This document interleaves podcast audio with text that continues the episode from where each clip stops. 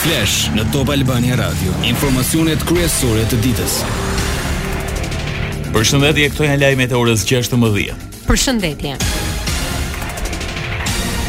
Në një takim në Gjirokastër me operatorë turistikë të hotelerisë, kryeministri Rama deklaroi se pas luftës së dytë botërore, ky do të jetë dimri më i vështirë për Europën dhe për ne, por shprehu zotimin për të mos lejuar që kriza energjetike të reflektohet në faturat e qytetarëve. Jemi nën goditjen e inflacionit të kësaj lufte, të luftës së Vladimir Putinit, të agresionit ekstrem, jo ndaj Ukrainës, po të agresionit ekstrem ndaj Perëndimit, sepse basti i Putinit është rrëzimi i Perëndimit nga dimri. Më tej kryeministri paralajmëroi avancimin e politikës për rritjen e pagave minimale në dyzet mijë lekë. Duhet t'i rrisim dhe më shumë, jemi mbrapa akoma me rritjen e pagave. Jemi mbrapa, jam i vetëdijshëm që jemi mbrapa. Edhe juve, edhe juve, ju them, është koha për të mos menduar më me logjikën e ha, se mbajnë. Është koha për mos menduar, është koha për të paguar më shumë punonjësit, për t'i pasur këtu, edhe për t'i kthyer këtu, pse jo? Për t'i kthyer këtu nga Greqia, se vërtet mund të marrin pak më shumë në Greqi, por paguajnë dhe më shumë, se nuk kanë shpinë e tyre dhe nuk kanë shumë gjëra të tjera që atje duhet t'i paguash. Pra, Po si mund të kthehen rast se paga minimale nuk është më e lartë? Biznesi kundër paketës fiskale, ndër të tjera sipërmarrësit kërkojnë të ulet ngarkesa fiskale, të zbatohet ligji i amnistisë fiskale, të hiqet TVSH-ja për pajisjet për prodhimin e energjisë, të krijohet fond garancie deri në pesë vjet me interesa jo më të lartë se një për qind për një vit, Ndërkohë, biznesi është pro një amnistie fiskale, por më parë të hartohet një ligj i mirëstrukturuar. Projektligji i cili po ripunohet nga qeveria, duhet të marrë në konsideratë edhe amnistinë e kapitaleve, vlerave financiare të subjekteve tregtare. Përtej dekurajimit që amnistia fiskale në tërësi i bën sipërmarrësve të ndershëm, ky ligj duhet të gjejë instrumentat e duhur që sipërmarrja informale të humbasë të gjitha shpresat për të vazhduar aktivitetin e saj në informalitet. Ishte Nikolin Jaka, kryetari i Dhomës së Tregtisë dhe Industrisë Tiranë. Në GJKKO ku takoi gjykatës, ambasadorja Yuri Kim theksoi se kjo është kohë kritike për reformën në drejtësi dhe se kriminelët po e ndiejnë presionin duke u bërë thirrje gjyqtarëve të posaçëm të rezistojnë. Shtetet e Bashkuara dhe populli shqiptar nuk duan që gjykata të kthehet në mënyrat e vjetra, le të sigurohemi që ato Kohë të mbeten në të kaluarën një herë e përgjithmonë, tha Yuri Kim. Policia konfirmon se TIMS nuk ra sërish pre sulmeve kibernetike, por ndërprerja e mbrëmshme erdhi për shkak të mirëmbajtjes së planifikuar. TIMS vijon funksional në të gjitha pikat kufitare. Ndërkohë policia sqaron se prej ndërhyrjeve të brendshme edhe ditët në vijim do të ketë ndërprerje në disa pika kufitare, ndërsa synohet përmirësimi i performancës së sistemit. Stemit Teams.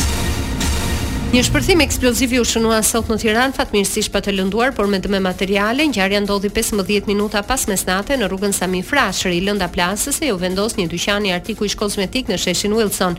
Grupi hetimor po punon për zbardhjen e plotë të rrethanave, si dhe identifikimin e autorit apo autorëve. Lajmet në internet në adresën www.topalbaniradio.com.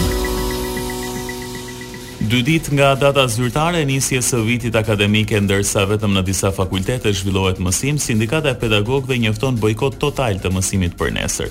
Po nesër ora njëmbëdhjetë do të zhvillohet protestë kombëtare para korpusit qendror të Universitetit Politeknik. Sindikata u bën thirrje edhe studentëve të bashkohen ndërsa kryetari demokrat Berisha shprehu mbështetje. Ka ftyrë t'u kërkojë vetting pedagogëve ky, që mashtron thotë se parkun rreth shpie pesë mijë metra katrorë ka ble me dy dollarë.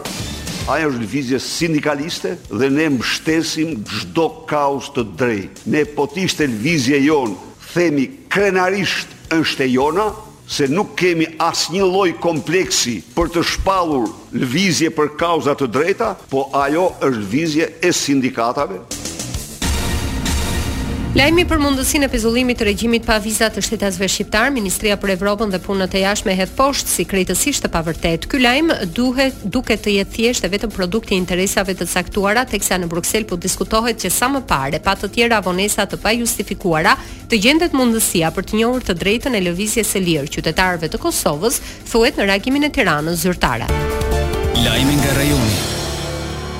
Presidentja Vjosa Osmani shprehet se Kosova ka qenë e është palë konstruktive në dialogun me Serbinë, si dhe ka gatishmërinë që të rrisë angazhimin me qëllim intensifikimin e procesit. Deklaratat i bëri pas takimit me të dërguarin e Shteteve të Bashkuara për Ballkanin Perëndimor, Gabriel Escobar. Pas presidentes Osmani, Escobar takoi kryeministrin e Kosovës, Albin Kurti vuri në dukje se përmes gatishmërisë për takime, vullnetit për marrëveshje si dhe propozimeve konkrete që jep, Republika e Kosovës ka treguar se është palë konstruktive dhe krijuese në procesin e dialogut me Serbinë. Lajme nga bota. Përdorimi nga forcat ushtarake ruse i dronëve iranianë për të sulmuar Ukrainën tregon se Rusia ka falimentuar. Kështu deklaroi presidenti ukrainas Zelensky. Sipas tij, prej dekadash, Rusia ka shpenzuar miliarda dollarë për industrinë ushtarake dhe në fund iu gjunjëzua Teheranit për të siguruar dronë të thjeshtë e raketa. Shtatë në dhjetë ukrainas janë të mendimit se Ukraina duhet të vazhdojë luftën derisa të fitojë me Rusinë. Një sondazh i Gallupit tregoi se shtatëdhjetë për qind e ukrainasve dëshirojnë luftë deri në fitore, ndërsa nëntëdhjetë e një për qind e konsiderojnë fitore në luftë edhe rikthimin e të gjithë territorit të pushtuar nga Rusia, përfshirë Krimen. Vetëm njëzet e gjashtë për qind shprehen se Kievi duhet të negociojë fundin e luftës. Me predha artilerie, Koreja e Veriut goditi në ujërat pranë kufirit me Korenë e Jugut. Vendi komunist hodhi mbi dyqind e pesëdhjetë predha artilerie në zonën kufitare mes dy vendeve. Këtë javë, Seuli nisi stërvitjet ushtarake për mbrojtje, manovra të cilat do të vazhdojnë deri më njëzet e tetë tetor, Por koreano-veriorët i konsiderojnë veprime ushtarake të armikut kundër veriut. Parashikimi i motit. Vendi ynë do të vijojë të ndikohet nga kushtet e qëndrueshme atmosferike falë depërtimit të masave ajrore të thata e relativisht të ngrohta me origjinë jugperëndimore. Moti mbetet i kthjellët, përjashtuar vranësirat e pakta kalimtare në relievet malore dhe në bregdet. Temperaturat variojnë nga pesë në njëzet e gjashtë gradë Celsius. Ndoqët një përmbledhje kryesore të lajmeve të ditës. Takimi informativ i radhës në Top Albania Radio është në orën shtatëmbëdhjetë. Unë jam Edi Hallaçi. Unë jam Doriana Lato. Kjo është Top Albania Radio.